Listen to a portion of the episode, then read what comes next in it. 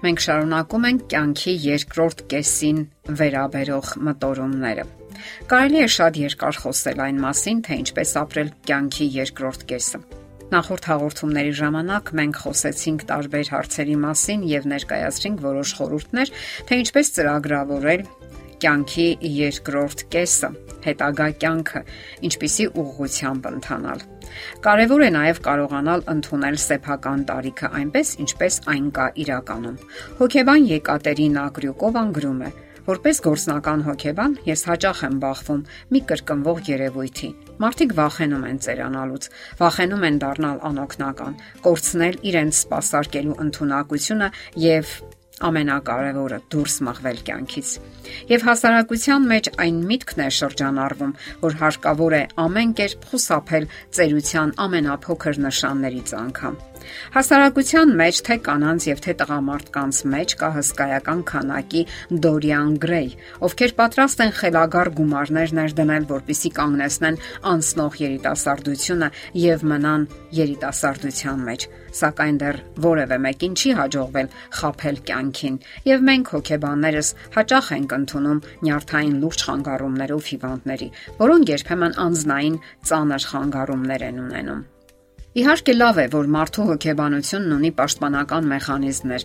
որոնք թույլ են տալիս նրան հարմարվել կյանքին, հաղթահարել առաջացող դժվարությունները։ Սակայն դրանք կարող են նաև վատ դեր խաղալ, երբ մարդիկ ապրում են երևակայական, այլ ոչ իրական աշխարհում, որովհետև միշտ էլ տեղի է ունենում մի բան, որ նրանց առերեսում է կյանքի իրականությանը, որին նրանք պատրաստ չեն։ Իսկ երբեմն այդ բախումը խիստ ցավոտ է լինում, եւ դա խաթարում է նրանց հոգեբանությունը, եթե ոչ հիմնովին ոչնչացնում է այն։ Փորձագետը գրում է. Ես մի փոքր նյարդայնանում եմ, երբ տեսնում եմ, թե ինչպես 70-ից 80 տարեկաններին խորհուրդ են տալիս մնալ 40 տարեկան։ Դա վտանգավոր է։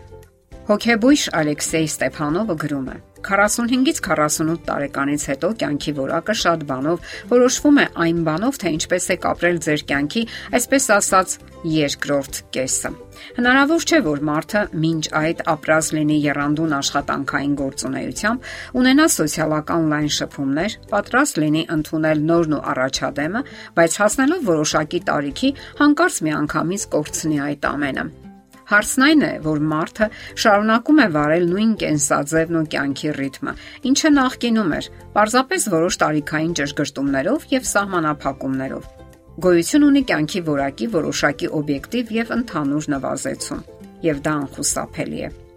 Սակայն երբ մեր կյանքը բազմազան է, թոշակի անցնելը ողբերգական իրադարձություն չի դառնում մեզ համար։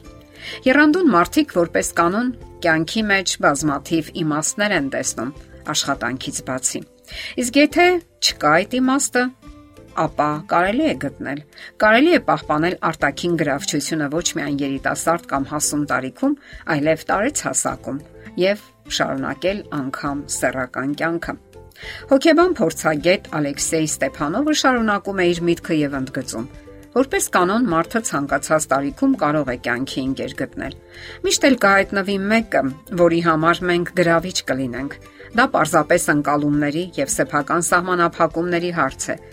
Հարկավոր է հնարավորության սահմանում որոշակի սոցիալական երանդուն կյանք վարել։ Օրինակ, կարելի է ծառայություն կատարել եկեղեցական համայնքում, որտեղ կարելի է հանդիպել նրանց, ովքեր հասուն են եւ կիսում են ծերության վերաբերյալ մեր մտքերը։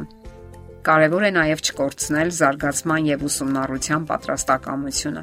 Կարելի է նոր հմտությունների տիրապետել, որն օգտակար է բոլոր տարիքներում, Կարելի է սովորել որևէ երաժշտական գործիք նվագել կամ կատարելագործել, եթե երաժիշտ եք։ Կարելի է հմտանալ համակարգչի վրա, սովորել on-line հետաքրքիր եւ ուսանելի խաղեր։ Արժե ժամանակ հատկացնել եւ ուշադրություն հատկացնել այն հարաբերություններին ու կապերին, որոնք արդեն կան, ինչպես նաեւ նրանց, որոնք այս կամ այն պատճառներով, ինչպես օրինակ մեր զբաղվածության պատճառով թուլացել են։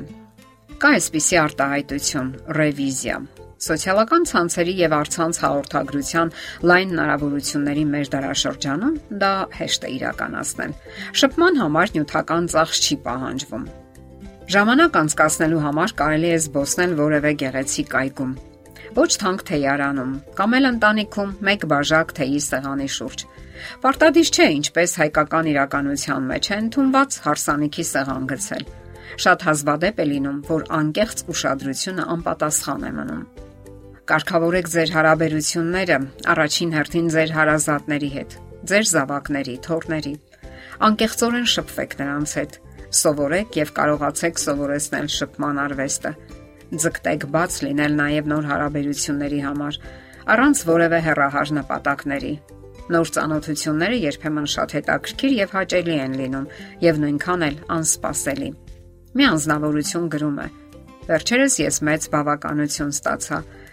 Կանգառում զրուցեցի տարեց անծանոթ մարդու հետ եւ նույնիսկ չիմացա նրա անունը։ Իսկ ընդհանուր առմամբ ձգտեք ներքին ներդաշնակության։ Կարգավորեք ձեր հարաբերություններն Աստծո հետ Դա նոր փորձառություններ կպարգևի ձեզ եւ նոր հորիզոններ կբացի ձեր առաջ։ Դե ի՞նչ, պատրաստ եք ընդունել նոր իրականությունը։ Եթերում առողջ ապրելակերպ հաղորդաշարներ։ Հարցերի եւ առաջարկությունների համար զանգահարել 033 87 87 87 հեռախոսահամարով։